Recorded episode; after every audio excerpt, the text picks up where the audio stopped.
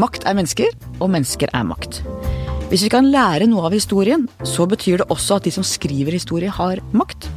Og de som skriver om økonomisk historie, kan dermed ha en form for makt over økonomien. I hvert fall stor påvirkning på dem som styrer den. Professor i økonomisk historie, forfatter av bl.a.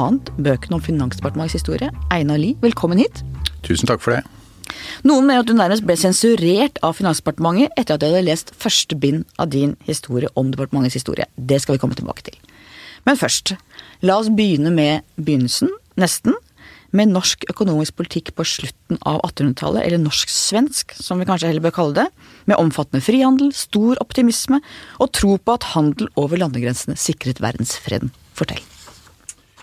Jo, vi Det er et interessant og stort tema.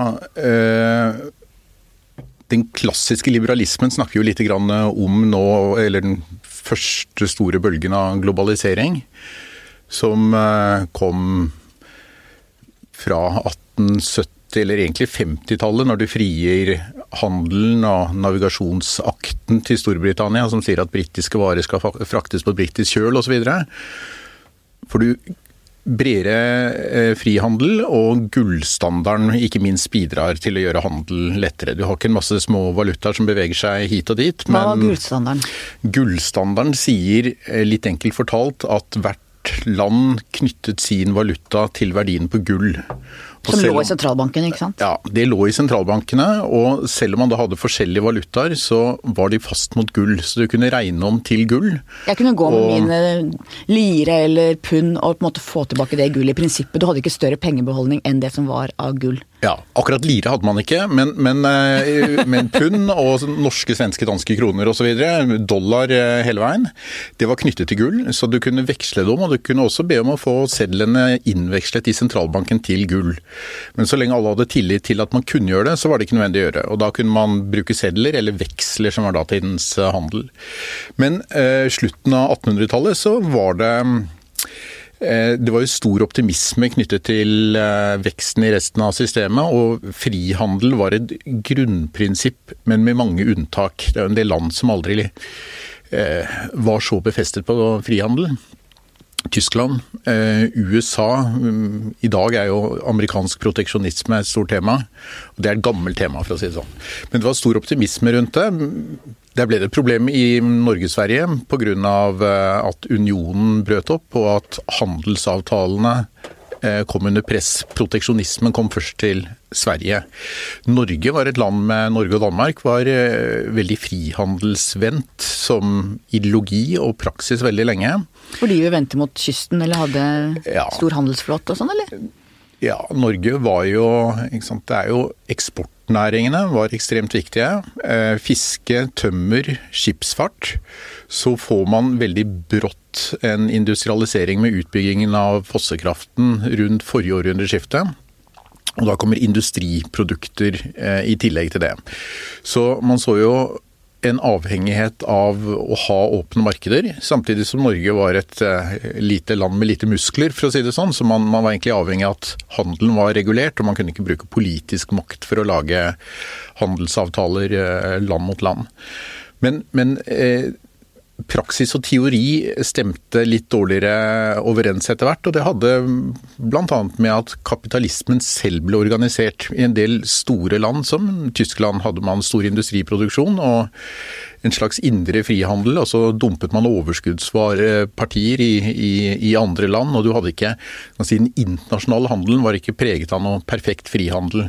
Og det var også en motor for at enkelte land tenkte at man måtte begynne å beskytte egen industri. Dels for hard konkurranse utenfra, men, men særlig liksom for eh, ja, det man oppfattet som unfair konkurranse, hvor man holdt prisen oppe i hjemmemarkedet, og så dumpet man overskuddspartier i, i andre land osv. Så, videre, så fikk man gradvis en, en, en økt beskyttelse. Hva er dette som dannet bakgrunnen, tenker du, for at det ble første verdenskrig?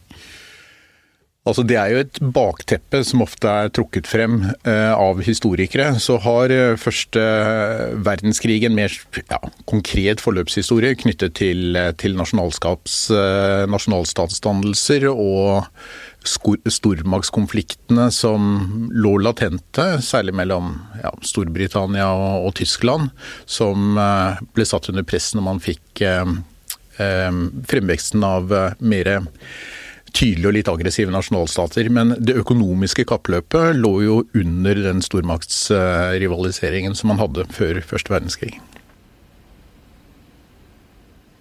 Så Norge ble jo da, som vi har vært inne på, en selvstendig nasjon og kraftnasjon. Du har også skrevet Norsk Hydros historie. Jeg hadde nylig Hydros nye konsernsjef Hilde Aasheim her, og vi snakket annet om kraftens betydning for oppbyggingen av norsk industri. Fortell om det. Ja, altså den er stor, uten tvil. Så skal man ha med seg, og det har jo vært et tema som har vært diskutert litt lenge, eh, lenge nå, om eh, Norge egentlig var et veldig fattig land på 1800-tallet. Og Jeg tror man skal ha med seg det at eh, når man ser på jeg nevnte de store eksportnæringene. Eh, fiske, trelast, shipping. Så de store sto, storgårdene på, i Østfold ser vi at det var jo, der var det penger. Ja, og man hadde et typisk sånn trelastborgerskap på østlandsområdet. Eh, skipsredere langs kysten. Norge var på et tidspunkt, lille Norge, verdens tredje største skipsfartsnasjon etter eh, Storbritannia og USA, og foran Tyskland og Frankrike og mange andre land. Når snakker vi da?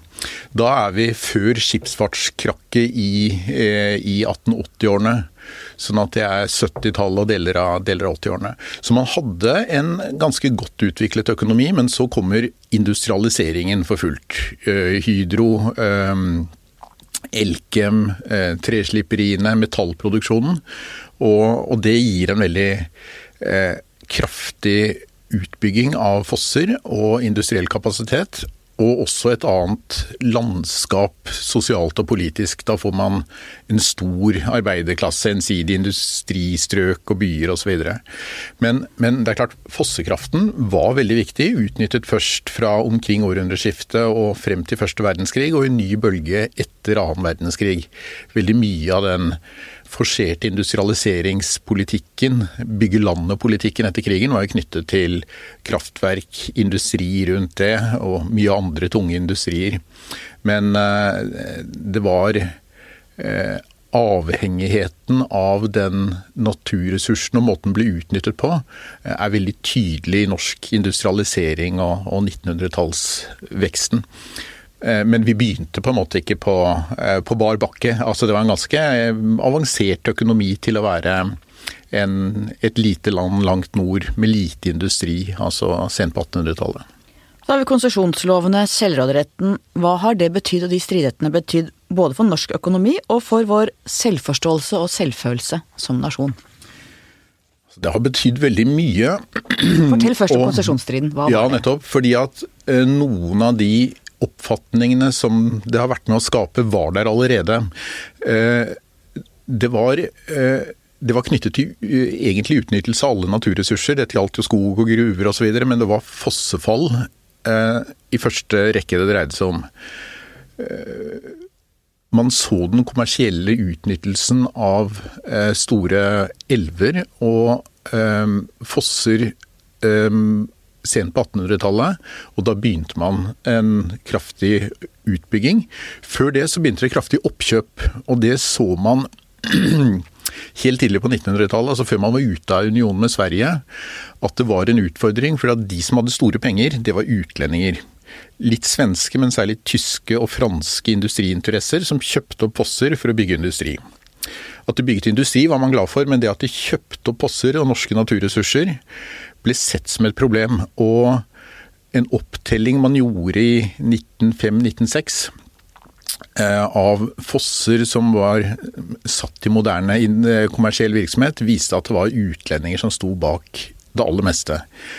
Det slo ikke så godt an i et nytt, nylig selvstendig Nei, ikke sant. Akkurat brutt ut av unionen med Sverige, og det ble jo brukt mye i den politiske debatten. Vi har akkurat fått vår politiske selvstendighet og er i ferd med å miste vår økonomiske selvstendighet til kapitalkrefter ute. Og en del spektakulære episoder rundt det, med eksempler på fosser som var oppkjøpt av industri man var litt skeptisk til. Men da fikk man den store diskusjonen hvordan er det man skal sikre fossene for nasjonalt eierskap på lang sikt. Og det var lite kapital i Norge til å kjøpe dem opp, og man tenkte nok at man skulle bygge det ut. Og da fikk man konsesjonslovene som sier for det første, og det er vel det viktigste, at man må ha statlig tillatelse for å kjøpe opp naturressurser. Så ble det stilt en del betingelser til hvordan man skulle gjøre ting, og det var knyttet til arbeidsforhold og kunne knyttes til nasjonale leveranser osv. Og så kom det siste, som var en smart løsning, for å si det sånn, og som vi har fortsatt. Det er det man kalte hjemfallsretten. At fossene etter en periode, normalt 80 år, skulle falle hjem eller tilbake til samfunnet. Kritikerne eh, på den tiden, og, og politisk og økonomisk miljø, og intellektuell også, var veldig delt. Fordi man kunne si at det brøt inn i liberale grunnprinsipper. For det var jo ofte gårdbrukere og skogseiere som eide disse fossene. Og ved å underlegge det konsesjon og hjemfall, så fikk jo de mye mindre for det når de solgte det til utlendinger. Man kunne også si at ordet hjemfall er litt rart, for faller det hjem? Det faller til staten som aldri har det, egentlig. Men, men allikevel. Dette ble nå eh, etablert. Og jeg tror de fleste, når man ser på det i ettertid, mener at det er et veldig godt system. Man var redd for på den tiden at det ville bremse industriutviklingen. Lite tydelig som, som det lite tyder på at det gjorde det. Og når vi kommer lenger frem i tid, nå er vi over den 80-årsperioden, så har det jo bidratt til at man har en kraftsektor med høyt offentlig eierskap. Og noen av kontraktene er jo fornyet, men da under kontroll og betingelser som er styrt av fellesskapet. Sånn at det la en retning og et grunnpremiss som jeg begynte med at det var der delvis allerede, med at naturressursene er nasjonalt, og staten er det nasjonale redskapet for å sikre de nasjonale interessene. Og det hører egentlig til oss. Og hvis noen skal få utnytte den, så er det på vilkår satt av politikken etter informert politisk debatt. Og Hva har alt dette betydd for vår selvforståelse som nasjon og vår selvtillit? Jeg tror det har betydd veldig mye. Eh, nå er den selvtilliten litt varierende akkurat på dette området, vil jeg si. Men, men, det at vi skal være herre i egne hus, at vi skal ha kontroll på naturressursene, ikke overkjøres av utenlandske kapitalinteresser, det har vært der hele tiden veldig tydelig. Hvis man ser på de to EF-EU-debattene, så er jo det et gjennomgangstema. Fisk er jo kjempeviktig, til tross for at betydningen av fisk økonomisk, men også befolkningsmessig, så den er veldig liten. Men det er blitt veldig stort. Har vi kontroll med naturressursene våre? 94 så kunne man jo ment at petroleumsvirksomheten og rammevilkårene der er enormt mye viktigere. Men nei, fisk er i den norske debatten viktig pga. at det er naturressursene. Og kommer jo tilbake nå i diskusjonen om nye utenlandskabler, hvor folk begynner å snakke om Arvesølvet det er, jo, det er ikke engang fossene som sendes ut, men det er det fossene produserer, men som knyttes inn i noe av det samme.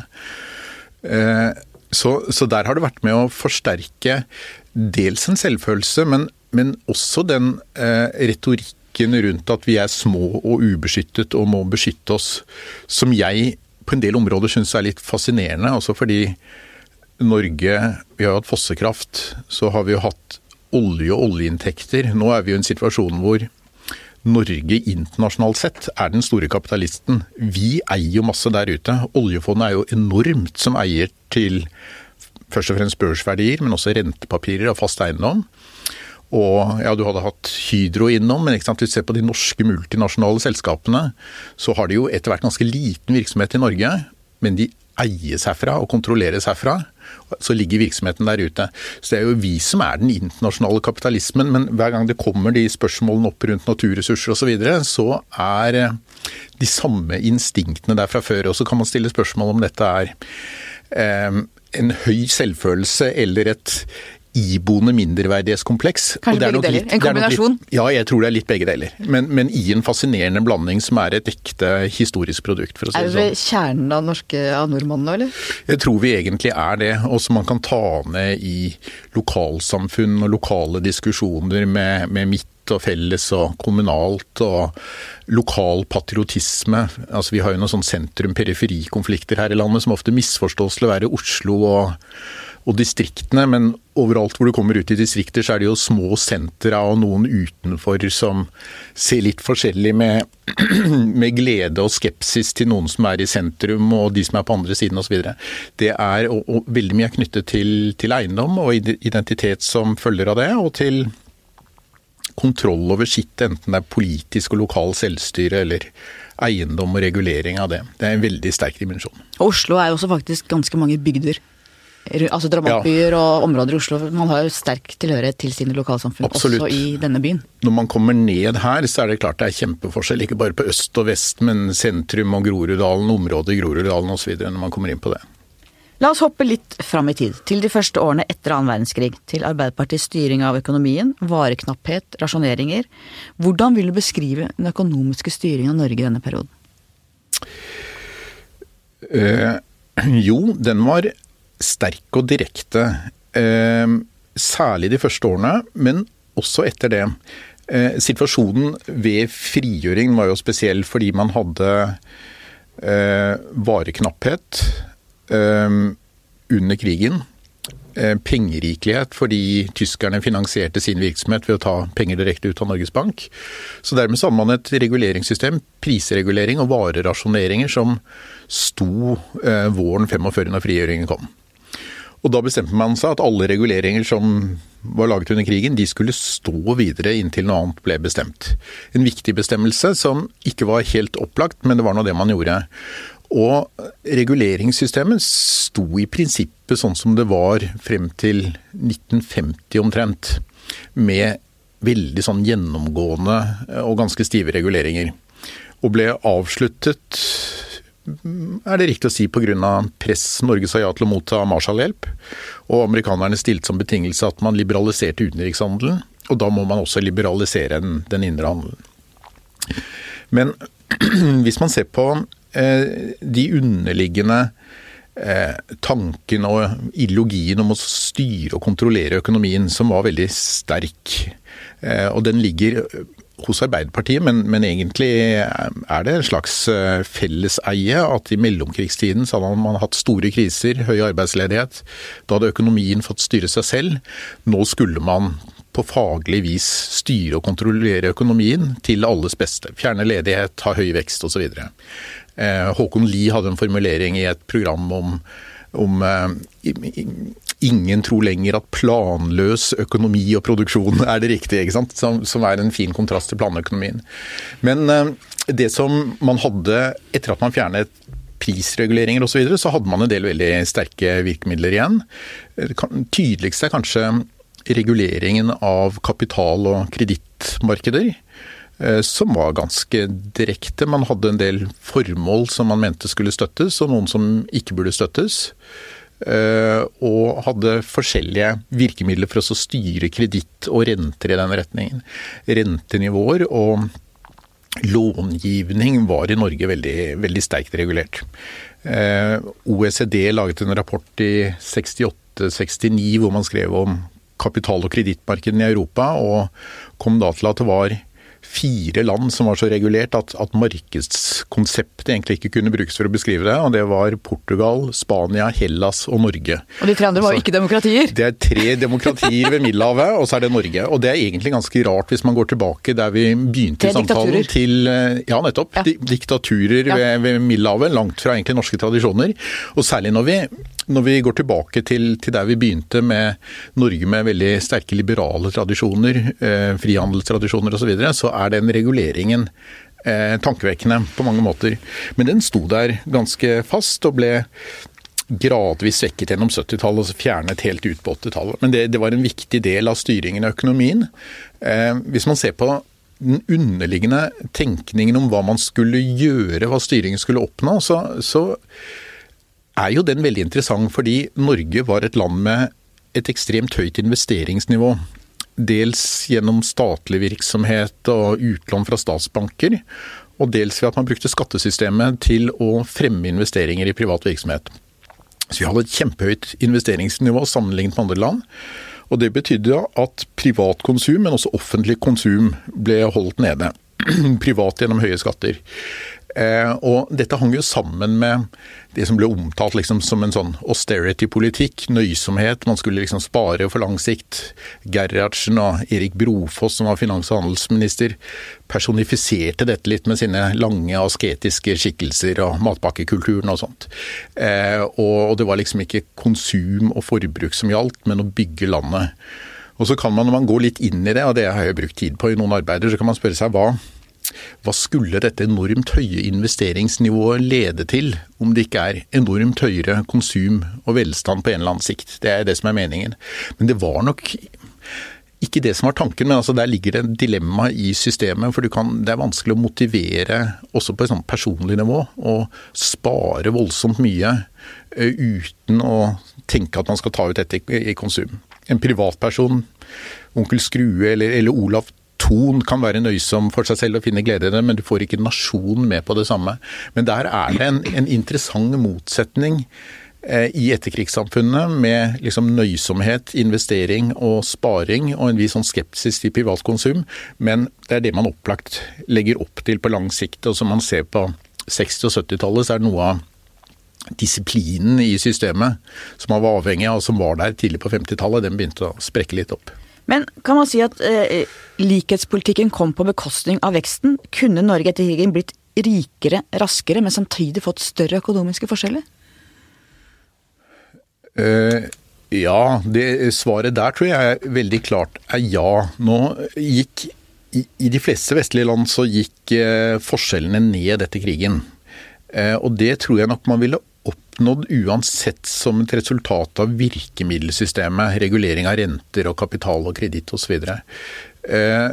Det man gjorde i Norge, i motsetning til en del andre land, hvis man ser på Sverige og Danmark, er at man førte en distriktspolitikk veldig bevisst. Eh, og innholdet i distriktspolitikken eh, gikk i noen grad ut på å bygge opp industri og virksomhet i distriktene. Men det gikk jo også på å opprettholde inntekter i distriktsområdene. Eh, det man gjorde f.eks. i Sverige som hadde mye sterkere sentralisering, var jo ikke at man presset folk inn i byene, men man lot inntektene falle ved at man ikke støttet jordbruk og distrikter. I Norge så støttet man inntektsnivået. Eh, det er en form for likhetspolitikk som både går på individer, men det går mellom regioner og distrikter. Og, det er en sterk linje. Der er det nok ganske tydelig at hvis man hadde tenkt at man bare høstet høy produktivitet, og at det var målet, så ville man nok hatt høyere vekst og høyere sentralisering og større forskjeller underveis i den tilpasningsprosessen, fordi man skaper sentralisering ved å la inntektene i sentrale strøk være mye høyere enn det det er i distriktsstrøk, og da vil etter hvert mye virke, og så vil det gi en høyere sentralisering enn det man ellers ville hatt. Det var i denne perioden også nasjonalbudsjettet ble innført. Først forklar forskjellen på statsbudsjett og nasjonalbudsjett. Ja, altså statsbudsjetter har vi hatt eh, hele veien siden 1814 eller 15 omtrent. Og det, det, er jo da et eh, budsjett for statens økonomi. Statens inntekter og utgifter. Skatt og toll og sånn på inntektssiden, og på utgiftssiden så har man forsvar og helse og alt dette. Eh, så det må en stat ha. Og statsbudsjettet er, er på en måte det er ikke bare budsjett for staten, men det er jo også Stortingets virkemiddel for å styre administrasjonen. Man bevilger til noe, men man sier samtidig at det skal gjøres ofte på hvilken måte skal gjøres, og så følger man opp ting gjennom det. Nasjonalbudsjettet, som var tanken etter krigen, var jo da at man skulle ha et budsjett for hele nasjonens økonomi. Og hvor man bygger inn eksport, import, hvor mye skal investeres, hvor mye skal konsumeres? Hva, hva tenker man om velstandsutviklingen i hele samfunnet utenfor staten? Og så begynner man riktignok være forsiktig fra start av, men, men, tettere og tettere. Hva slags virkemidler skal man bruke for å nå disse målene? Så, så det man gjør er at man trekker egentlig eh, det som er mål for den økonomiske og sosiale utviklingen inn i et dokument og sier noe om hvordan man vil arbeide for å nå det. Og som er en ganske dramatisk overgang. For tidligere hadde man jo også det. Man snakket litt om at man ville ha ned ledigheten osv. Og, så videre, og at statsbudsjettet kunne hjelpe til med det. Men med nasjonalbudsjettet så ser man på hele økonomien som en helhet, og sier noe i hvilken retning man vil gå. og dermed så må man også begynne å si noe om hva man skal gjøre for å oppnå de tingene. Og man knytter på en måte økonomisk politikk og andre politikken mye tettere sammen? Ja, det gjør man. Det gjør man. Og det er, det er den store forskjellen mellom debatten om økonomisk politikk i mellomkrigstiden og etterkrigstiden, er at det i etterkrigstiden blir eh, samlet og forpliktet rundt hva man skal gjøre for å nå disse målene, og systematiserer det først gjennom nasjonalbudsjettene. Det første kom i 1947. 48 så fikk man et tynt langtidsprogram for første gang, men det fikk man også hvert fjerde år eh, siden. Og disse var eh, mer eller mindre fast knyttet sammen i en lengre horisont og en årshorisont, og hvor statsbudsjettet på en måte var en integrert del av nasjonalbudsjettenkningen. Er det vanlig i andre land å ha nasjonalbudsjett? Eh, det varierer litt. Eh, de fleste land har etter hvert eh, noe som ligner. I flere europeiske land så var det av og på, fordi nasjonalbudsjettet ble knyttet til en veldig sterk ambisjon om å styre hele økonomien. At det var liksom reguleringsstaten. Så det var et venstresideprosjekt tidlig, som borgerlig var skeptisk til. I Norge ble det tidlig et felleseie, i andre land har det ikke vært det.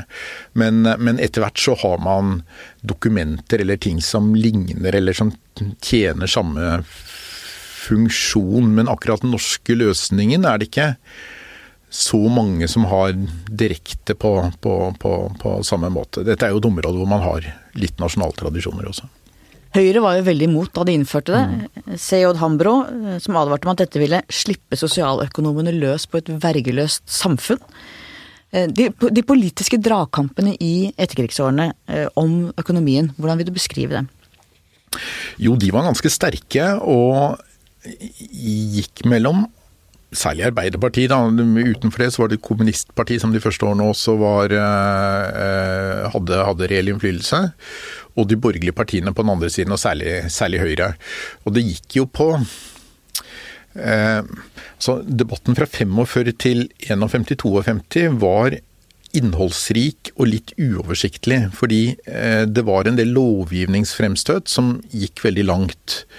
Eh, rasjonaliseringslovgivning som var mye snakk om, altså at staten skulle kunne sammenslå bedrifter, legge ned bedrifter, eh, forby opprettelse av nye som en del av, av, av, styringen av økonomien, var veldig sentralt i debatten. Og det var en del av den forståelsen at et fritt marked egentlig ikke var effektivt som man kom ut av mellomkrigstiden med, men at dette måtte reguleres. Og da kunne man ikke bare reguleres regulere varekvanta og priser i et marked, men man måtte egentlig regulere hele produksjonssystemet. Og her fryktet man fra borgerlig side, og opplagt med en viss rett, at det var uforenlig med privat eiendomsrett og disposisjonsrett over produksjonsmidlene. Eh, og sånn som loven var utformet, så var det riktig. Altså de ga fullmakt til å gjøre hva som helst. Men fullmaktene ble egentlig ikke brukt når man ser på det. Det var liksom de mer sånn markedsrette eh, fullmaktene som var der. Og i 1.52 så eh, hadde man en retrett i lovgivning hvor man, man, fjernet mye av det. Men det gjør jo at Hambro og andres eh, frykt for en mye mer pågående og radikal stat. Det ble drevet frem av den type ting. Så var det de unge sosialøkonomene, altså samfunnsøkonomene fra Universitetet i Oslo, hadde nokså tydelig liksom en dreining mot Venstre og Arbeiderpartiet, tror jeg det er riktig å si, og særlig de som jobbet i statsapparatet. Og de hadde jo et språk og en fagterminologi som var ny og fremmed for mange, og mer fremmed i Høyre enn var i Arbeiderpartiet. Så dette lærde abrakadabra eh, lå litt grann i det. Altså sånn radikale økonomer som snakket i planleggings- og reguleringstermer, som eh, etablerte liberale politikere som Hambro eh, følte en viss distanse til, og vel ikke alltid eh, forsto like godt heller. Embetsverket i Finansdepartementet eh, de har jo formet både en Kristin Halvorsen fra SV og en Siv Jensen fra Frp til å bli veldig vi, flinke, solide, ansvarlige eh, finansministre.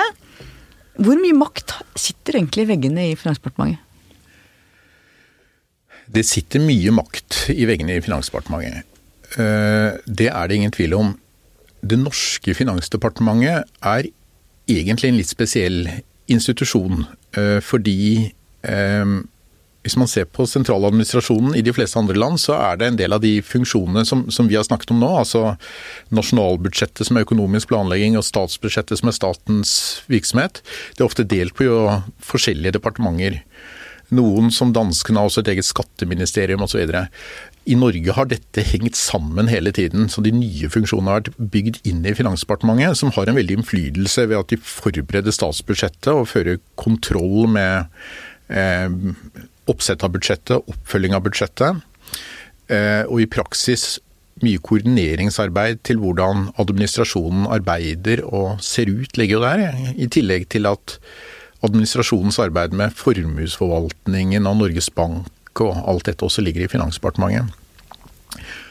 Og vi har heller ikke et statsministerens kontor som sånn Downing Street 10 eller noe sånt som er stort overgripende. sånn at Finansdepartementet er et eh, eh, Jeg har jo brukt mange år på å skrive om dem, så jeg, det er klart jeg syns det er interessant og fascinerende.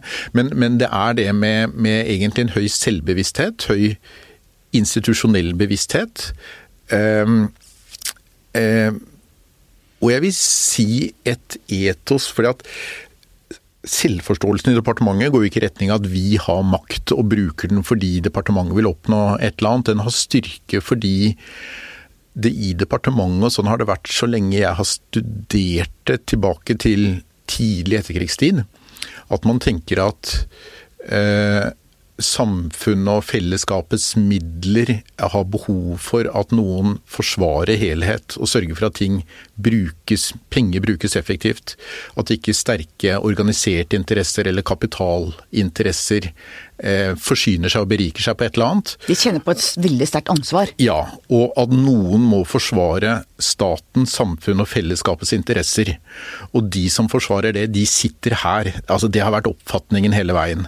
Eh, og at det ligger et veldig stort ansvar i det, og at man tar det ansvaret. Eh, så det er preget av store idealer og stor arbeidsomhet, og de har flinke folk osv. Og så er det også når det gjelder forholdet til finansministeren, så er det klart at finansministeren har sitt embetsverk og blir preget av det, men man blir også preget av normene og holdningene i huset. Fordi eh, sett fra embetsverkets side så har det eh, alltid vært en oppfatning som har mye for seg at finansministeren er alene i regjeringen. Eh, man sitter på det kjempedepartementet, og det er der man forsvarer på en måte helhetene, mens landbruk vil ha landbruk og forsvar vil ha forsvar osv. Det er noen realiteter i det. Sånn at det er Arbeid internt er i liten grad liksom på å overbevise finansministeren om et eller annet, for finansministeren kommer inn i huset og føler veldig fort et sterkt press fra alle som vil ha veldig mye Eh, opposisjonen vil ha det. Folk flest og pressen vil ha ting til gode formål, men også regjeringskolleger vil ha det. Sånn at en ny finansminister får, eh, som ikke kjenner regjeringsarbeidet, skvetter litt til av den rollen, og så begynner man å se seg om etter støtte og virkemidler for dette. Så de trenger hjelp til å si nei? Ja, og det finner man hos embetsverket, som er veldig flinke liksom, til å se både økonomi, finanser, gode faglige argumenter, men som også er ganske drevne liksom, på å skjønne hva som skjer i politikken, og hva finansministeren kan gjøre og ikke kan gjøre, og hva som er gode argumenter og dårlige argumenter. Sånn at det er eh, Noen ganger så er den der oppfatningen at det kommer en sånn eh, ja, frisk, rask type utenifra som vil et eller annet, og så tar embetsverket hånd om vedkommende. Men jeg, jeg tror egentlig ikke at det er det som skjer normalt, men det kommer noen utenifra, og så føler et veldig press fra omgivelsene, og så tyr man til det redskap man har for å forsvare seg, og det er embetsverket, som er vant til det. og Eh, stå på og er, føler en sterk lojalitet både til finansministeren og til saken, som er liksom å, å, drive dette på en ordentlig måte. Vi var jo sammen eh, nylig på et seminar i Finansdepartementets modell- og metodeutvalg. Høres veldig nerdete ut, det var det jo. Og da kommenterte jeg ditt innlegg, og da eh, refererte jeg til jeg tror det er Torbjørn Berntsen, som i sin tid sa at han ville ikke ha på sin gravstand at han holdt budsjettbalansen. Det var ikke det det handlet om. Så sa jeg ut, så utover forsamlingen med Finansdepartementets folk og sa at jeg tror mange her gjerne ville hatt det på sin gravstein. Og da nikka de og humra de alle sammen. ja, ja, ja. Jo, nei, men det, det tenker jeg nok. Eh, og det, tenker de er, det vil de tenke er opplagt. fordi holder man ikke balansen, så må man kompensere siden, og de har større kostnader enn å passe på, på, uh, der og da. Men det er en uh, Den holdningen, og jeg tror også eh, toppembetsmenn i Finansdepartementet har en mye større identifikasjon med politikkområdet enn det mange har. Jeg diskuterte eh, en eh, Det var en avgang, en sentral embetsmann som gikk av før tiden for en stund siden, med nyere embetsmenn for noen år siden i forbindelse med et arbeid jeg hadde, og hvor begge sa at nei, politikken på vedkommendes område hadde sklidd ut og gått galt. Da må man gå av. Og jeg sa det, men det er jo ikke han som fører politikken. og hva kan Nei, men du har et ansvar når du sitter i den stillingen for å sørge for at det ikke sklir ut på det området. Og greier du ikke det, så må du slippe til den andre. Og sånn tror jeg få embetsmenn vil tenke hvis politikere vedtar et eller annet som de mener er ufornuftig inne på sitt område, så vil man trekke på skuldrene og si at ja, jeg gjorde det jeg kunne her, men de har gjort noe annet. Men, men der er det noen andre holdninger i Finansdepartementet hvor man føler et ansvar for at dette skal gjøres på en måte som er riktig, og riktig ut ifra de vide idealene som er balanse i statens regnskaper, effektiv bruk av ressursene, og at man ikke skaper ubalanser som gir større kostnader senere, eller man gjør noe nå hvor man må ta kostnadene rundt neste sving. Høres ut som du er glad i dem? Ja, eh, ja, altså jeg syns det er eh, Jeg syns det har vært veldig gøy å jobbe med. Og jo, jeg er på en måte eh, Jeg får sans for eh, akkurat det at du har Det sitter noen eh, som ikke synes og ikke ta æren for et eller annet, men som er dypt forpliktet i noen idealer som er riktige og gode. Og så kan man stille spørsmål om de har rett eh, hele tiden, eller om man tar feil, er en annen diskusjon. Men idealene og prinsippene tenker jeg er, er eh, riktige.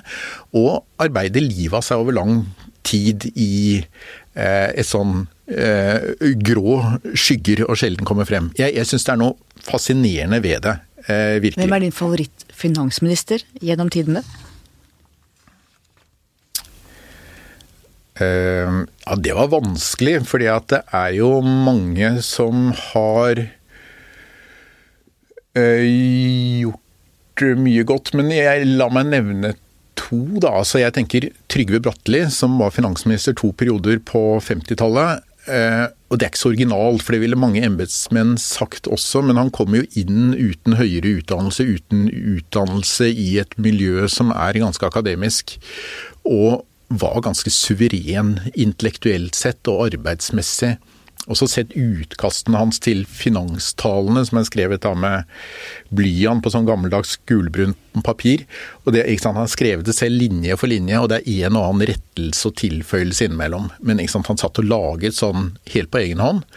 Veldig skarp, eh, veldig stødig ikke noen moderne politikertype. For han var jo best på nettopp å sitte stille hos seg selv og lage politikk. Ikke noen mediepersonlighet? Absolutt ikke noen mediepersonlighet.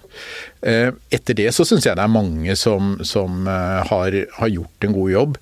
Eh, du nevnte Kristin Halvorsen tidlig. Jeg tror altså i arbeidsevne. Det var jo også en periode hvor det skjedde mye med fondene. Vi hadde finanskrise. Hun var finansminister og partileder for SV, som i mye Stoltenbergs regjering eh, lå i et spenningsforhold til kjernen, men som hun håndterte veldig godt. Eh, beholdt liksom sin politiske farve, men en drivende dyktig finansminister. Veldig godt representert i departementet. Eh, er, er, også en imponerende skikkelse. Flere kunne vært nevnt, men, men jeg tenker at akkurat den kombinasjonen og, og eh, kombinere Siv Jensen har for så vidt noe av det samme.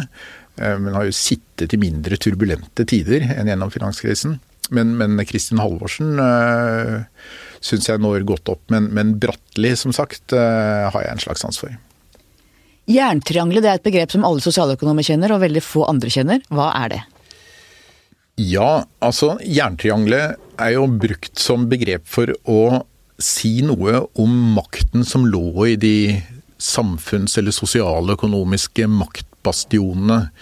Um, og så er, så er, innholdet i hva det er, det endret umerkelig um, sammensetning. En gang sånn fra 60- til 70-tallet. Til å begynne med så var det Sosialøkonomisk institutt på Blindern, hvor Frisch og andre satt. Uh, Statistisk sentralbyrå og Finansdepartementet. Samarbeid om metodeutvikling, begrepsapparat og sånne ting. Men ikke minst ved at kandidatene ble utdannet på Blindern, og så kom de ned og dominerte disse institusjonene. Ehm, med tiden så falt Blindern ut, og det tror jeg er litt fordi utdanningsinstitusjonen ikke ble oppfattet som så makttung, og så ble Norges Bank trukket inn. Og så kunne det vel vært fire egentlig hele veien. Men det, det er jo da en blanding av et kognitivt fellesskap, altså tankemessig, innholdsmessig. Man, man tenkte og arbeidet på samme måte mellom institusjonene. Og at folk kjente hverandre ganske godt. Og i noen grad at det var et sånn felles karriereløp. Hvis man ser på en Øystein Olsen, ikke sant? han kommer jo fra Statistisk sentralbyrå, vært i Finansdepartementet, er nå sentralbanksjef. Gjedrem har ikke vært i Statistisk sentralbyrå, men vært i andre steder. Og når man begynner å se på folk, så, så har de flyttet seg mellom dette. Etter hvert så har man også en del som er sjeføkonomer i banker og andre steder, men når man går tilbake til 50-, 60- og 70-tallet, så jobbet ikke gode sosialøkonomer for næringslivet. De jobbet i staten og i stor grad innenfor disse institusjonene. Er jerntriangelet like sterkt i dag? Nei, det er det opplagt ikke. Fordi eh, utdanningsverdenen er videre. Mange kommer fra utlandet. Bergensmiljøet.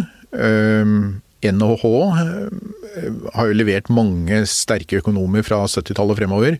Delvis BI også i dag, og, og andre, altså miljøer Bergen, Trondheim osv. Så videre, sånn at Oslos utdanningsdominans er ikke like sterk. Og så har man andre forsknings- og analysemiljøer utenfor som er tydeligere. Så har man jo også det at Statistisk sentralbyrå, og kanskje særlig Norges Bank, har jo dyrket sin selvstendighet, uavhengighet på forskjellige måter.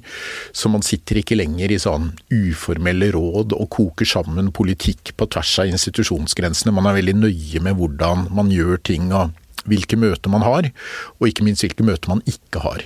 Sånn at eh, det er fortsatt viktige institusjoner, og med ja, særlig personforflytningene er jo litt igjen, men det der halvinstitusjonelle, underforståtte samarbeidet som var der tidligere, det, det ser man ikke nå. Vi må snakke litt om deg. Fortell om oppveksten din.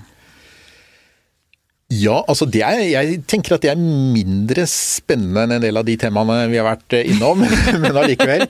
Nei, altså jeg vokste opp litt i Oslo og mest i Bærum, tror jeg. Um, hvor jeg bodde frem til jeg var eh, ca. 20 og begynte å studere. Så jeg har hatt en eh, ja, stille og udramatisk oppvekst i dype frukthager i, i Østre Bærum. Hva gjorde foreldrene dine? Eh, faren min drev ja, Han jobbet i reklame, reklamebyrå, flere år. Og så eh, Norske Avisers Landsforbund, hvor han var informasjonssjef. Ehm, til han gikk av med pensjon. Da het noe annet på slutten, for de gikk inn i NHO. Og min mor, som mange var, var hjemme da vi var helt små, og så jobbet hun siden forskjellig sånn eh, økonomi og regnskap, som hun var utdannet i. Og du, hva var det som vekket din interesse for økonomi? Har du alltid vært opptatt av historie og økonomi, eller kom det i ung voksen alder? Ja, ja, litt begge deler egentlig. Altså jeg, jeg var jo alltid opptatt av historie, egentlig. Eh, men så Jeg var aldri inne på tanken av å studere historie, og det gjorde jeg heller ikke. For jeg lurte på hva man ble ved å bli historiker. Og det hadde jeg ikke noe godt svar på, egentlig. Eh, og så var jeg interessert i økonomia, sånn at eh, jeg begynte å studere da samfunnsøkonomi på Blindern, og det var det jeg gjorde. Og ble jo da økonom fra Blindern. Så Eh, ble jeg trukket inn i et prosjekt om Finansdepartementets historie.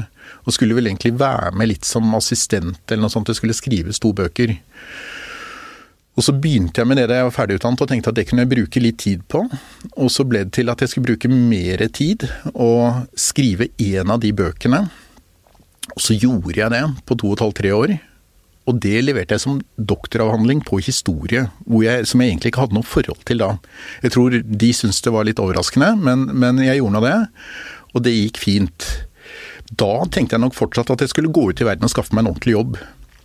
Eh, da var det Francis Sejersted som ledet det senteret jeg satt på. Han ville nok ha meg der. Så han stilte spørsmål at ja, men hvis du ville ha et prosjekt liksom sånn du kunne drive med, hva ville det være? Og så snakket jeg høyt om det, og så lagde han et sånt prosjekt, finansiert et eller annet sted fra. Og så tok det ene det andre, og så ble jeg værende. Men det er egentlig også da mer og mer til historie, som var det jeg var interessert i, men som jeg tenkte at man ikke kunne studere, men som jeg kom tilbake til som professor da, i økonomisk historie nå for hva det nå er, 10-15 år siden. Og det første du, bindet du skrev om Finansdepartementets historie, det dekket årene 1945 til 1965, og det ble lagt fram i 95. Mens du allerede var i gang med bind to, som skulle strekke seg da eh, fram til 91, vel. Men det arbeidet ble da stanset av daværende departementsråd i Finansdepartementet. Hva var det som skjedde? Nei, altså det var, det var ikke helt sånn, fordi det var eh, det var to andre som skulle skrive bind to den gang. Tore Jørgen Haners og Espen Søylen som kom inn etter hvert. De var der hele tiden, og så lagde vi en arbeidsdeling. Eh, det Arne Øyen sa til VG, tror jeg, det var at da jeg leste utkastene til bind 1, forsto jeg at jeg måtte stanse bind 2, og så ble det stanset. Eh, så var det nok også ja, Det var en del interne diskusjoner i prosjektet. Eh, det ble en del uenighet, og jeg tror personsitsen på en del områder var var ikke helt heldig. mellom dere som laget det, eller? Ja, det, ja, egentlig. Mellom vi som jobbet med prosjektet og prosjektledelsen, og de som hadde ansvaret for det i Finansdepartementet. For at de mente Så... at det var for kritisk? Ja, altså Det var en del av det som var skrevet, mente de var kritisk, helt klart. Og så skulle jo dette skrives mye nærmere og tettere opp i tid. Eh, og det så de ikke for seg hvordan det skulle gjøres. Jeg merket jo også det veldig, for at de eh, jeg har jo fått et utmerket forhold til Finansdepartementet etter hvert, men da de begynte med dette og skulle skrive Finansdepartementets historie, så tror jeg nok de tenkte seg at man skulle skrive litt om hvilke sånne meldinger og proposisjoner de hadde laget og hvordan politikken så ut. Så når jeg begynte å gå inn i arkivene og skrive om det, det er jo en del personkonflikter og en del sånn opprivende og ganske direkte ting. Eh, det det hadde ikke sett for seg i det hele tatt. Altså det, det, det, hadde de virkelig ikke gjort. Bind to handler jo da om 70- og 80-tallet, som jo innebar store endringer i norsk økonomisk politikk. Fortell om det. Ja, eh, det var i, i hele Europa var det jo store endringer, fordi man hadde hatt relativt stor stabilitet i den økonomiske utvikling. Eh, stabile konjunktur, ikke noe særlig ledighet og sånt. Eh, ikke spesielt høy inflasjon heller, frem til tidlig på 70-tallet. Så falt det såkalte Bretton Wood-systemet sammen, som regulerte valutakurser osv. Og, så og så fikk man oljeprissjokket i 73-74, som ga et høyt oljeprishopp, og dermed sånn supply-sjokk som bidro til å drive opp eh, kostnadene og inflasjon og skapte en del ubalanser. Man hadde ikke lov til å kjøre bil f.eks. i helgene. Jeg husker man Nettopp. kunne gå på ski på gata utenfor der jeg bodde. Det kunne man. Bilfrie søndager og gode ting. Altså, man hadde, og det hadde man i hele Europa, så hadde man noen særnorske ting eh, som er ganske viktige. Altså, det ene er at vi fant olje og fikk mye oljepenger. Det gjorde at man hadde jo bilfrie søndager, men samtidig så skjønte man at vi blir veldig rike på lang sikt. Så hadde vi EF-avstemningen i 72, som er ganske viktig. Som var et politisk jordskjelv. Svekket egentlig alle ja-partiene, kanskje særlig Arbeiderpartiet. Fikk et stort SV. Og en del av de gamle autoritetsstrukturene i politikken, eh, også organisasjonslivet, LO, ble jo delt og svekket gjennom dette. Sånn at man fikk et bilde hvor man hadde en turbulent og litt ustabil internasjonal situasjon. Man ble veldig rike her hjemme. Og så var det måten maktstrukturen, autoritetsstrukturen hadde fungert på, ble svekket på kort tid. Og det gjorde at 70-tallet ble veldig flytende på mange måter, med helt andre innganger til innflytelse og makt. Store organisasjoner fikk en helt annen rolle. Stortinget fikk en mye sterkere rolle. En mindretallsregjering fra Arbeiderpartiet som sto svakt i Stortinget, og egentlig svakt i sitt eget parti også. Eh, og veldig mye mer dyre tiltak og politikk osv. ble laget direkte i Stortinget. Dette var ikke Finansdepartementets beste år, fordi at de jobber gjennom regjeringen og har brukbar kontroll på hva regjeringen lager. Det var da vi fikk Mens, kleppepakker og mye uansvarlig politikk. Kleppepakker fikk man. Akkurat den kom fra, fra regjeringen, men, men jamstillingsvedtaket i jordbruket, at, at, bønder skulle ha samme basisinntekt som industriarbeidere, kjempedyrt, som gjør at fiskere kommer etter neste år og pensjonister etter året det. Arbeidsmiljøvernloven med dens utforming Eh, forurensningsloven, eh, en del distriktspolitiske tiltak. Det er veldig mye som eh, var store og dyre reformer som kom på samme tid, og ikke så godt utredet, og som var, var dyre på, sammen, på, på dyre samtidig som mange av dem ikke var, ikke var veldig tungt gjennomtenkt. Så det var, var 70-tallet som er interessant egentlig ved at det er Vi tenker på det med, med god grunn som et sånn rød-grønt uh, tiår. Det er de kreftene som drives frem av uh, EF-avstemningen og neiet i EF. Og så går i Norge den rød-grønne bølgen mer eller mindre direkte over i høyrebølgen, ganske brått. Eh, det er vår ungdomstid, det. Ja, ja, ja, nettopp. Og som er interessant. Det er klart at det har noe likt ved seg. En sånn skepsis mot gamle maktstrukturer, byråkratier i offentlig og privat sektor osv. Men man tenker på det som veldig ulikt. Men det er jo noe antiautoritært og liberalt over begge bølgene. Men de ser ulike ut. Eh, og men det at de kommer som de gjør på norsk, eh, gjør at eh, politikken endret seg ganske bratt. Fordi 70-tallet ble mer regulerende på mange områder. Kraftigere reguleringer for å holde ting på plass i et høyinflasjonsklima. Og så kommer man inn på 80-tallet, og så får man på en del områder veldig brå avreguleringer. Du hadde jo Gjennom 70-tallet hadde du jo altså vår foreldregenerasjon som jo nær fikk gratis hus, f.eks. Mm. Med enorm inflasjon, fullt rentefradrag. Eh, du var jo dum hvis ikke du kjøpte storhus ja. den gangen. Ja. Men det var jo ikke bærekraftig. Nei, det var det ikke. Og det er jo et av de områdene hvor politikken kom i skvise, og kanskje Arbeiderpartiet tapte litt historisk ved å For de var jo knyttet til reguleringssystemet. Det var jo deres politiske ressurs som ble et problem når det ikke fungerte så godt. Hvis man ser spesielt på foreldrenes bolig og rentefradrag, så var det jo sånn at man hadde en marginalskatt opp til og jeg tror innimellom litt over 70 men hvor man kunne skrive av renteutgiftene. Man hadde ikke bruttoskatt den gangen, så man kunne skrive det fullt av på marginalskatten.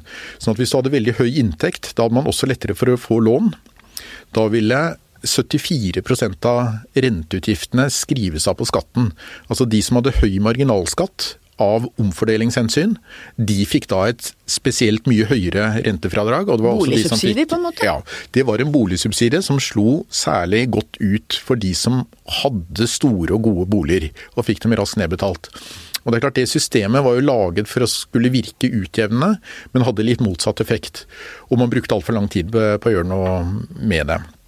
Så på en del sånne områder så eh, sto reguleringssystemet lenge, og når man kom på 80-tallet så ble endringer gjennomført øh, veldig raskt.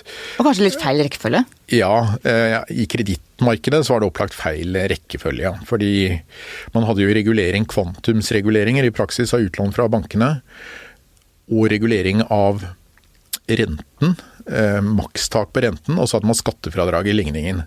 Og når man skulle endret dette, så ville enhver sånn lærebokstenkning ville sagt at først så gjør man noe med skattesystemet, og så slipper man fri renten, og så løsner man på kvantumsreguleringer, og så kommer man mot balanse.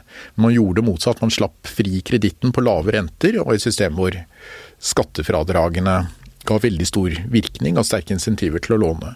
Og det, det gikk ikke noe godt. Det ga en kjempe, kjempesmell til de som hadde lånt mye penger i tillit til at de kunne trekke fra, og så kom skattereformen som bare reduserte rentefradraget veldig, så mange gikk jo virkelig på trynet, for å si det på godt norsk. Ja, man la mange inn i det som ble en liten gjeldsfelle gjennom eh, en ekspansjon midt på 80-tallet, og så når man begynte å gjøre noe med skattefradraget og ta ned rentene sent på 80-tallet, så fikk mange problemer inn på 90-tallet. Jeg kjenner jo folk som betalte boliggjeld liksom i 20 år etterpå, måtte selge hvis de ble skilt eller noe sånt. De måtte ja. selge, og så var de bare i en kjempeskvis. Mm.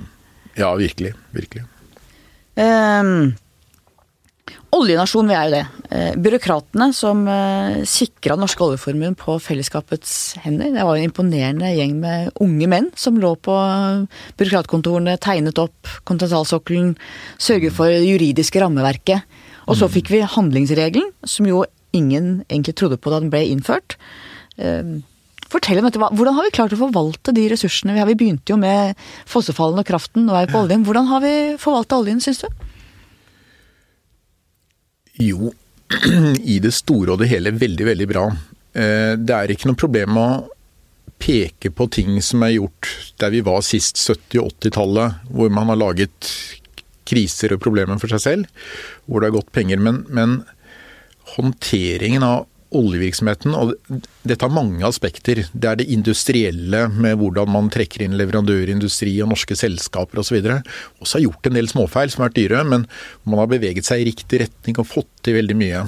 Nei, det er ingen OPEC-land som har en stor leverandørindustri f.eks. Det har man i Norge. Stor, effektiv, internasjonal organisert. Eh, Equinor som et avansert oljeselskap. Og så har man eh, det industristiden, hvis man ser på inntektssiden, altså sørge for at samfunnet ved staten får en stor del av inntektene, så har man, hvis man ser det i lange løp fra 70-tallet til i dag, så har vi ligget på en høy government take, som det heter i fagspråket, gjennom eierandeler, eh, beskatning osv., hvor staten på en eller annen måte har hatt eh, styrke og autonomi til å gjennomføre hard beskatning. Man ser i, i, mange andre land så er det liksom oljeselskapene som stiller premissene. De kan mer, de har mye muskler osv. Men i lille Norge så har man stått virkelig opp og sørget for å få dette til. Og så har man eh, greid å eh, disiplinere utgiftsbruken ganske bra innenfor handlingsregelen og bygget opp oljefondet etter det. Det er Eh, her hjemme så diskuterer vi bruk for mye eller for lite oljepenger. Og, de bruker ganske mye. Ja da, altså jeg mener jo at man burde brukt litt, eh, litt mindre, jeg altså. Men eh, jeg er jo litt, litt, litt, påvirket naturligvis av å ha studert Finansdepartementet. du ville også hatt på gravsteinen at du kunne holde budsjettbalansen? Ja, jo da, men altså der man er er kanskje ikke men, men, opptrappingen de siste ti årene har vært veldig rask. Og det tror jeg de fleste er enige om. At ja, hvis du vil enig. ha en balansert utvikling av dette, så trapper man for raskt opp nå uten at det har vært særlig mye grunn til det. Og uten at det egentlig er noe formål i budsjettene som er prioritert. Man har bare økt overalt. Og det, det er litt uheldig. Eh, jeg tror til og med de som sitter her ansvarlig for det, vil i fremtidige biografier eller noe sånt innrømme at dette, dette gikk litt raskt. Vi vil angre litt. Men, men eh, vi har en del sånne hjemlige diskusjoner rundt konkrete tilpasninger i utgiftsbruk og hva man har gjort. Men utenfor. Og jeg er jo For jeg driver jo med ulike prosjekter og har jo både snakket om handlingsregel, økonomisk politikk, men også den industrielle utviklingen av oljesystemet. Og i internasjonale miljøer så ser man jo på Norge som eksempler på noe ekstremt vellykket.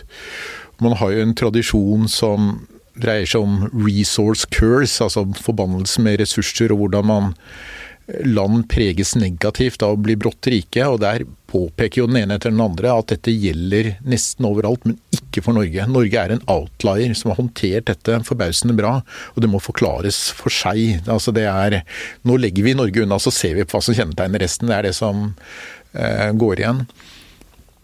Og det er eh, selvfølgelig litt Altså vi har en del sterke institusjoner. Jeg tenker jo Finansdepartementet har håndtert dette bra. Det som har vært Industri- og Olje- og energidepartementet har hatt ekstremt gode fagmiljøer. Og næringsliv og andre deler av administrasjonen har håndtert ting veldig kompetent med en veldig stor omstillingsdyktighet.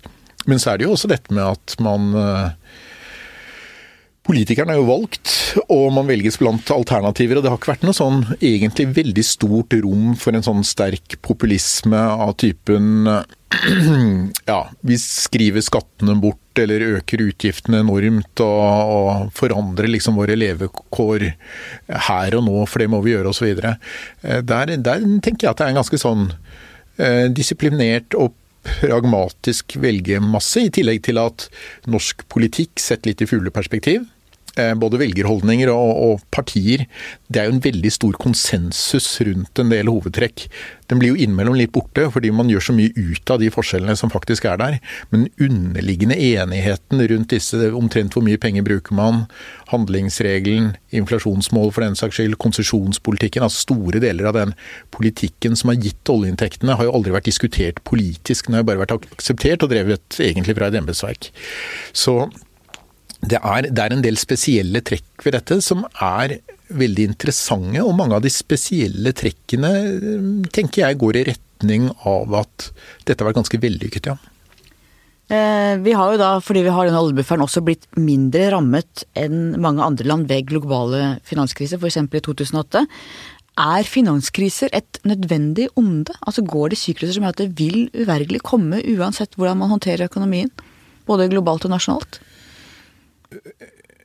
Ja, nesten, vil jeg si. Nå hadde man ikke noen globale kriser under Bretton Woods-systemet, som var et system med sterkt regulerte kapitalbevegelser. Ehm, for det er jo de hyppige kapitalbevegelsene som skaper kriser. Ehm, og der tror jeg nok at den faglige konsensus blant økonomiske historikere som har drevet med dette, går i retning av at innenfor det systemet så det var ikke økonomisk effektivt på samme måte som dagens system, men det er mer stabilt. Eh, det er litt unntaket hvis man ser på internasjonale kapitalsystemer som er lite regulert, så har man hatt krise fra tid til annen så langt man kan se. Altså Det er bare å gå tilbake til, ja, gjennom århundrene tilbake til 1700-tallet. Det har man hatt. Og så blir man vel kanskje bedre og bedre på å regulere og overvåke og kapitalavkastningskrav og sånn, men man har stadig ment at man er blitt bedre og bedre. Så jeg tenker hvis man ser dette historisk, så tror jeg at uten omfattende reguleringer, som har en kostnad, så får man kriser fra tid til annen. Man kan få det med regulering også, kanskje. Nå er det så detaljerte reguleringer at du lurer på, på en måte, om det i seg sjøl eh, ja. lager noe feller. Det er klart man eh, Det at man ikke hadde noen kriser under reguleringsbølgen av Bretton Woods, betyr jo ikke at reguleringer, dårlige reguleringer vil antagelig legge til rette for enda større kriser. I tillegg så ser man jo at når man fjerner reguleringer, er jo en veldig sårbar periode. Det har jo skapt kriser egentlig hele veien i den vestlige verden. Eh, Finansdepartementet lager også noe som heter Perspektivmeldingen, som er et veldig tørt, men veldig viktig dokument. Der handler det også om demografi. Kan du mm. si noe om demografiens betydning for den økonomiske utviklingen? Ja. Eh, altså demografi er jo kjempeviktig. Det er kommet litt i bakgrunnen. Um, ja, Befolkningsutvikling, ikke sant. Med alderssammensetning og befolkningsvekst og nedgang. Og... Altså, man var mer oppmerksom på viktigheten av demografien på 1800-tallet, hvis man leser statistiske publikasjoner. Eh, fordi sant, befolkningen er både det som leverer inntekter og krever utgifter, men som jo også er det som gir mening i å drive enhver type virksomhet. Det er jo til for befolkningen. Samtidig så har vi jo hatt eh, På 1800-tallet så hadde man en ganske dramatisk befolkningsutvikling, med først eh, altså kraftig vekst i befolkningen pga. fallende dødelighet. Emigrasjonen til, eh, til USA. Litt tilbakevandring, men, men store endringer. Som endrer livsvilkår, både fordi det for noen ble lettere fordi trykket fra en stor befolkning eh, ble, ble eh, lettere, men, men, hvor befolkningsutviklingens betydning for, for bosetning, industrialisering osv. er veldig tydelig. Nå har det vel kommet litt tilbake. En periode så var befolkningsutvikling noe man ikke så så mye på. Jeg har skjønt I mellomkrigstiden så var det en stor diskusjon, også pga. arbeidsledighet. Men, men eh, de siste ti årene så har vi jo hatt en sterk innvandring, som er litt nytt, og som eh, har veldig store konsekvenser for alle tall man måtte interessere seg for økonomisk og sosialt eh, og finansielt, men som ikke er så dramatiske økonomisk fordi vi har så mye penger. Eh, så har det ikke vært trukket så mye inn i den debatten. Men, eh, men, men, det er fascinerende på mange måter. Både fordi det er mange institusjoner som settes under press, men også alminnelige ting som vi ser på, f.eks. Klimautslipp i Norge, så snakker man jo om at det har skjedd lite siden 90-tallet, men det er jo totalt sett, hvis du deler på per innbygger, så har vi jo fått en ekstra million eller noe sånt gjennom innvandring, så da har det plutselig falt mye. Eh, hvis man ser på formuesverdier for oljefondet, så er jo det økt voldsomt, og det er økt mye per innbygger også. Men det er klart, uten innvandring så ville jo formuesverdien per innbygger vært mye større. Det har man aldri diskutert, for det har vært trukket ut av de diskusjonene. sånn at den innvandringsdiskusjonen er, er ført litt sånn på ja, litt andre, andre premisser. Jeg vi hadde jo Brochmann-utvalget, da, som, Ja. om bærekraft, velferdsstatens bærekraft. Bærekraft i velferdsstaten som går mye på deltakelse i eh, arbeidsmarkedet og kostnader sosialt osv. Og der har man hatt mye diskusjoner rundt det. Finansielt rundt hvor mange man deler oljeformuen på og sånn, den, den har ikke vært eh, trukket inn. Som jeg tenker er i seg selv litt interessant, fordi når man finner enormt mye penger i et lite land på en sokkel på et tidspunkt, så kunne man jo tenke seg at den forræderiske ideen ville dukke opp at man deler litt med andre, altså kanskje andre land og folk som ikke har så mye osv. Men på norsk så faller man automatisk ned på det at nei, det er ikke et godt prinsipp for å dele, men vi deler på våre etterkommere. Som egentlig betyr prinsipielt at man fører større nærhet for tredje og fjerde og femte generasjons etterkommer her i landet enn for de som bor i samme verden, men et annet sted i dag. Eh, og det, er, det gjør man automatisk, og det faller naturlig for oss. Men samtidig så er det klart at de som flytter inn og får statsborgerskap og fulle rettigheter, der deler vi den formuen likt. Men den dimensjonen trekkes ikke inn i debatten, selv om man med selvfølgelighet sier at vi deler bare med våre og ikke med de som er der i verden. Som jeg, jeg, synes, jeg, jeg, jeg, tror det egentlig er veldig greit at vi ikke diskuterer disse tingene og trekker det inn, men jeg syns det er et lite pøssel allikevel. At det er en sånn dyp instinktiv motvilje mot å trekke opp temaet skal vi dele litt av formen med de som er her i verden. Det, det er det ingen som vil diskutere. Og så er det ingen som problematiserer graden av innvandring mot formuen som da deles på flere, og hvor etterkommerne får mindre. Um, og dette har noe mellom hvordan man liksom tenker økonomi, og hvordan man sorterer ut temaet i politisk debatt, eller hvordan de enkelte tenker, tenker om det. Um, som har landet på den måten. Ikke opplagt i alle land at det ville vært sånn, men, men det er sånn vi gjør det her. Interessant. Det er også lave fødselstall i Norge, enda lavere i mange europeiske land, samtidig som vi blir så mye eldre. Jeg, eh, eldre. Du og jeg blir kanskje nærmere 90 hvis vi er heldige.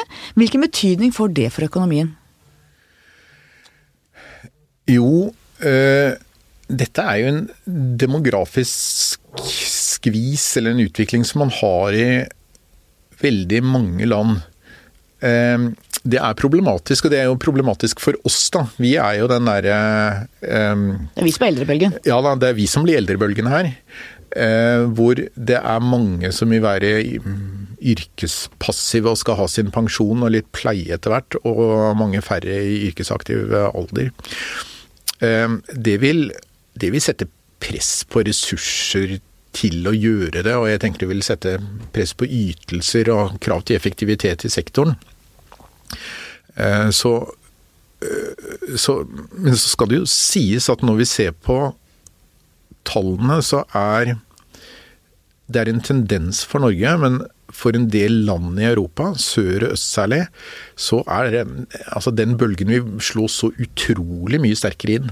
Jeg så du refererte i en av artiklene til eh, tall fra EUs eh, 2012 Aging Report, hvor antall yrkespassive eldre, nå kommer noen tall, antall yrkespassive eldre i forhold til sysselsatte i gruppen 15-65 år var 39% i 2012, mens det i 2060 var beregnet til 71 mm. Mm. Altså at det blir så utrolig mange flere ja. eldre som ikke jobber, enn yrkesaktive yngre som jobber. Det er jo mm. dramatisk på alle vis. Det er dramatisk, ja. Det er virkelig dramatisk. Og de landene som har et størst misforhold der, hvordan de skal greie seg, det er ikke så godt å si. Og det er jo, hvis man ser på de landene i sør og øst som eh, vil få størst tyngde i toppen av alderspyramiden, for å si det enkelt, det er jo også land med elendige statsregnskaper og høy statsgjeld, og som ikke har ressurser til å håndtere dette. Jeg syns det er litt bekymringsfullt, fordi vi har robuste sosiale og politiske systemer, men jeg tenker at de vil bli satt under et voldsomt press i en del av disse landene, og om det vil holde eller skli ut liksom i helt andre holdninger og løsninger, det vet jeg ikke, men jeg tenker at den, den det demografiske utviklingstrekket sammen med stater som ikke har ressurser, at det er veldig skummelt, rett og slett. Og Hvis vi ser også på Norge hvor det blir stadig flere eldre, hva betyr det for demokratiet? Når det blir så stor velgermasse med eldre, og de yngre som er de som leverer inn, på en ja. måte blir for mindre demokratisk tyngde, da? Ja, og så er det, hvis man supplerer litt da, med altså Gamle teorier sier at eh, økonomisk eh, makt gir politisk makt, så er det jo, det er jo de gamle som er de rike i dette samfunnet. Eh, formuesmessig utvilsomt, men, men også inntektsmessig så ligger de jo kjempehøyt an. Det er jo helt fantastisk at man har honnørbilletter og sånne ting. ikke sant? Til de rike gamlingene? Jo, men det er helt, ja, men det er helt vanvittig. Eh, sånn at det, det, er klart det er en gruppe som velgermessig og økonomisk er stor, og økonomisk privilegert, ikke minst. Eh, på en helt annen måte enn de som kommer tidligere. Eh, og, hvis, og de er jo eldre er jo organisert rundt enkelte ting, men, men det er jo, jeg vil si foreløpig så er det jo lite makt i det som samlet konsumentgruppe, annet enn litt tista her. Eh, eldre stemmer jo også ganske spredt over hele fjøla. Hadde det vært sånn at gamle og unge hadde vært systematisk organisert annerledes på partiskalaen eller blant partier, så, så ville dette vært, vært, virkelig problematisk og tankevekkende. Men, men foreløpig så, så, er det ikke så lett å eh, identifisere hvor den generasjonskonflikten slår ned konkret eh, politisk. Men tror du ikke alle partiene etter hvert vil i stadig økende grad fri til de gamle velgerne? Eh, Fordi de er så mange? Jo, altså Jeg har stadig trodd at de vil eh, gjøre det, eh, for der er det mye å hente. Så er det vel sånn at de stadig frir til de yngste velgerne allikevel, mer eller mindre på autopilot. Og at veldig få direkte henvender seg mot de eldste. Frp gjør det kanskje fra tid til annen, KrF kanskje litt indirekte ved at det er liksom etablerte verdier. Men ellers er jo ikke det en gruppe man henvender seg til, merkelig nok. Og jeg tror kanskje det er jo opplagt noen som har sittet og tenkt både stille og høyt rundt dette på partikontoret sammen med rådgivere. og jeg tror, jeg tror, for et stort parti å henvende seg direkte til sistegangsvelgerne, at det oppfattes som skummelt. da. For et parti skal jo være fremovervendt og moderne og dynamisk, og at det ligger noe der. Men man kunne godt tenke seg at, at, at eldre var mer samlet og konsentrert rundt noen partier. og Da ville dette drevet seg frem av seg selv, altså at man så på velgergruppen eh, tydeligere. En av tidens store temaer er ulikhet, som også øker i Norge. Du har vært opptatt av at vi snakker for mye om inntektsulikhet og for lite om formue. Utdyp det. Ja. Eh, nei, utgangspunktet der er vel to observasjoner som jeg mener er riktige. Det ene er at vi snakker mye om inntektsulikhet. Og ja, nå snakker vi mer og mer om formuesulikhet. Da jeg skrev det var det ikke helt sånn, men det er kommet mer og mer. Eh, og det andre er at inntektsulikheten har nok økt litt, men veldig lite. Altså vår inntektsulikhet er lav. Den har vært økende, men mye mindre økende i de fleste andre land. Eh, og så kan man lure på hvorfor det er sånn.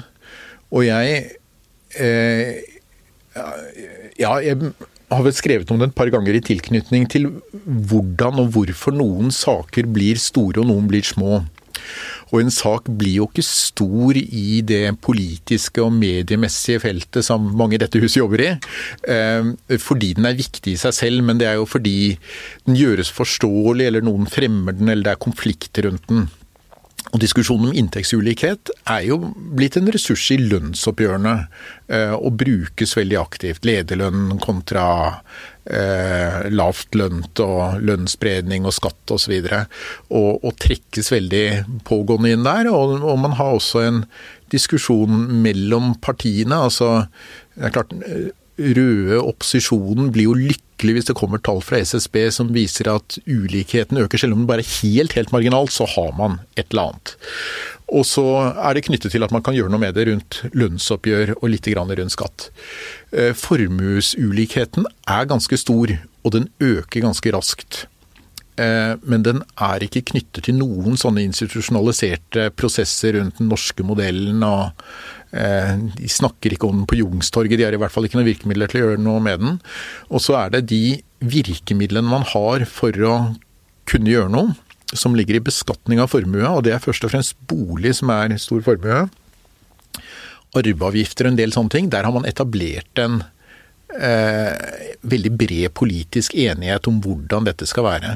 Det vil jeg sånn si, jeg synes er innmari sykt. VG er på lederplass veldig for både arveavgift og boligskatt. Altså Hvis det er noe som skaper, som du sier, formuesforskjell, så er det jo arveavgiften. Mm. Og det er det ingen som tør å røre. Nei, altså nå tenker jeg at øh, Nei, det er det ikke. Eh, grunnen til at man, jeg, jeg syns det var gode grunner til at man tok den, og det var det at måten den var utformet på gjorde at den, den traff best de som ikke hadde juridiske andre ressurser til å beskytte seg mot arveavgiften. Eh, alle som hadde ordentlig mye penger og gode skattejurister kom unna dette, og det, det er et det er et eh, vrient trekk ved et system. Men sant, boligformue og, og, og, der tenker jeg det er, det er, ekstremt store forskjeller, fordi at vi bygger opp så mye formue i bolig som passerer fra generasjon til generasjon. Eh, og hvor forskjellen på å vokse opp i en familie med stor boligformue og litt sparepenger, og ikke gjøre det, den er virkelig dramatisk. Eh, jeg syns også på dette området, når man ser på en del av pressen, så Dagens Næringsliv hadde stort oppslag om holdningsselskaper og de aller, aller rikeste. Eh, jeg, og det, det, er jo appellerende til lesersiden når man kan skrive om veldig rike folk og hva de gjør. Stordalen og Fredriksen og sånn. Jeg, jeg, er nok egentlig mer opptatt av de der fire millionene i midten i dette landet enn de tusen øverste. At det er viktigere. Og der er det reelle forskjeller. Jeg snakker jo med studenter og sånn som kommer utenfra og skal flytte til Oslo og etablere bolig. Hvis du ikke har foreldre som hjelper deg, eller en fremtidig arv å dra på, eller noe sånt, så kan du bare la være å tenke på det. Mange har hjelp hjemmefra, og de får gjort det, men også gjennom livet sånn selv i vår alder, så er jo liksom om man har fått eller vil få arv, er en sånn helt sentral hoveddel i hvordan man tenker om egen økonomi, og med veldig store utslag. Sånn at jeg Ja, formuesulikheten syns jeg i for stor grad knyttes til den toppen hvor det er vanskelig å skille privat og næringsformue, og hvordan det fungerer. Og jeg syns man kan være litt mer opptatt av de mekanismene som gjør at eh, folk som er i det der kjempestore midtsjiktet, eh, kommer ut på veldig ulike måter ut ifra forhold som man selv ikke kan styre over, og som, som virker litt urimelig. Fordi eh, arvet boligformue vil gi utslag i formueposisjonen som er enormt mye større enn det man greier å spare på lønnsinntekt gjennom et langt liv. Og det alene er, er tankevekkende, syns jeg. La oss se litt framover. Fremtiden. Norge om 50 år. Hvor er vi da? Eh, ja, eh, det er jammen ikke godt å si, altså. Eh, og det er vel for lenge til at eh, jeg får vært med og sett på det, antagelig. Nei, jeg tror man Vi har mye oljepenger. Vi vil fortsette å ha det. Om det går veldig bra eller dårlig, tenker jeg har en del med liksom forholdene i verden å gjøre utenfor. Vi har Det er en del store spørsmål knyttet til klima, migrasjon, global fattigdom, og hvordan det utvikler seg, tror jeg vil prege verden, og også Norge, på en grunnleggende måte. Jeg vil ikke tørre å spørre om det, men jeg tror at uh, altså Norge har jo alltid vært et lite land i verden, men jeg tror kanskje at man i mindre grad i fremtiden enn i fortiden vil kunne skjerme seg fra en del sånne, sånne virkninger. Man kan jo alltids gjøre det med, med makt og harde vedtak, men det ligger liksom ikke til norske måten å tenke politikk og det gode samfunn på. og, og, og ja, skjerme seg for, for, hardt, for å si det sånn, som noen kan gjøre. Jeg tenker kanskje at det er mer maktpåliggende enn noen gang å gå inn i EU for å få en enda tryggere forankring, men det er det ikke så mange som er enig i. I hvert fall ikke mange nok som er enig med meg. Nei, altså det kan man mene. Jeg har selv et ganske sånn pragmatisk forhold til EF-saken eh, e og ser argumenter i begge retninger. Men, men, men jeg skjønner godt det synspunktet. Men jeg tror at det er eh, tror jeg EU også vil kunne komme til å slite litt på sikt, bare med å holde seg sammen og, fungere i en verden som ser annerledes ut. Men jeg tror en del av, av utfordringene på dette området, klima og ja, klart Migrasjon er EU kjempeviktig for, for Norge. Um, men, men, eh, det er noen tema der som blir større enn selv EU, tenker jeg. Det blir nok det. Hva ser du som viktige norske verdier? Ikke eksklusivt norske, men verdier som er viktige i det norske samfunnet? Um, Ja, det er et godt spørsmål. Jeg burde hatt et veldig klart svar på det, som jeg har drevet med akkurat de spørsmålene.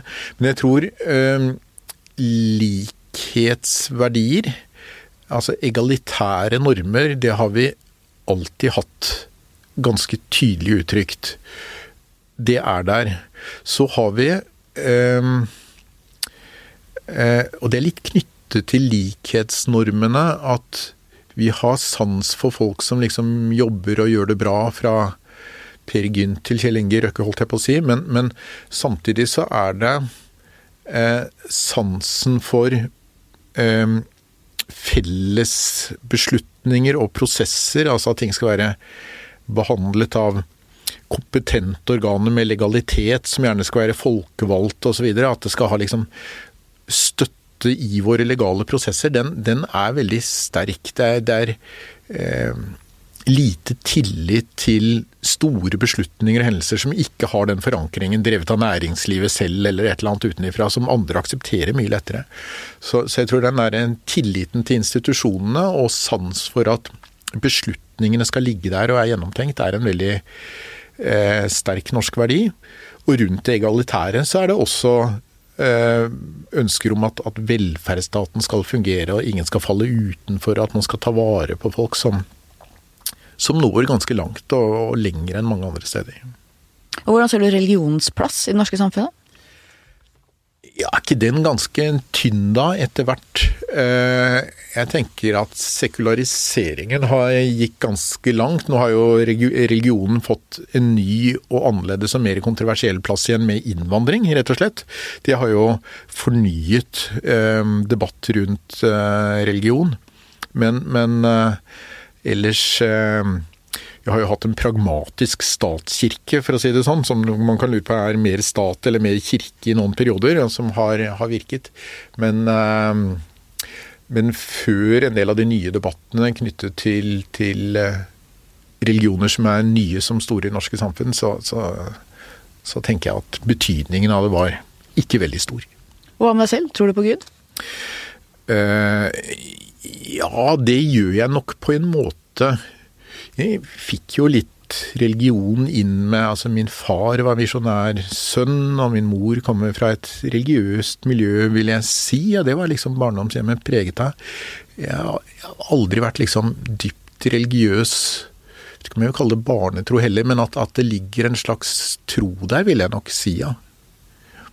Til slutt, mitt faste spørsmål. Hva skal bli historien om deg? Einar Lie, det var han som Du, det der er ikke så lett. Altså, jeg tenker jo at jeg skriver jo historie, ikke sant. For det er jo litt for eh, lesere i dag, men mye for historien. Sånn at jeg tror at i den grad eh, det er en historie om Einar Lie, så er det at noe av det jeg har skrevet blir lest også i fremtiden. Um, sånn at um, ja, det er laget, mange av disse bøkene er laget fordi man tror det er viktig rent diffust, og da må man tro at de vil virke og bli lest også på lang sikt. Og er det et nedslag, så tror og håper jeg at det er der. Fint. Tusen takk for at du kom. Tusen takk for at jeg fikk komme. Takk til deg som hørte på. Takk til researcher Grete Ruud og til vår faste produsent Magne Antonsen. Vi høres igjen om litt.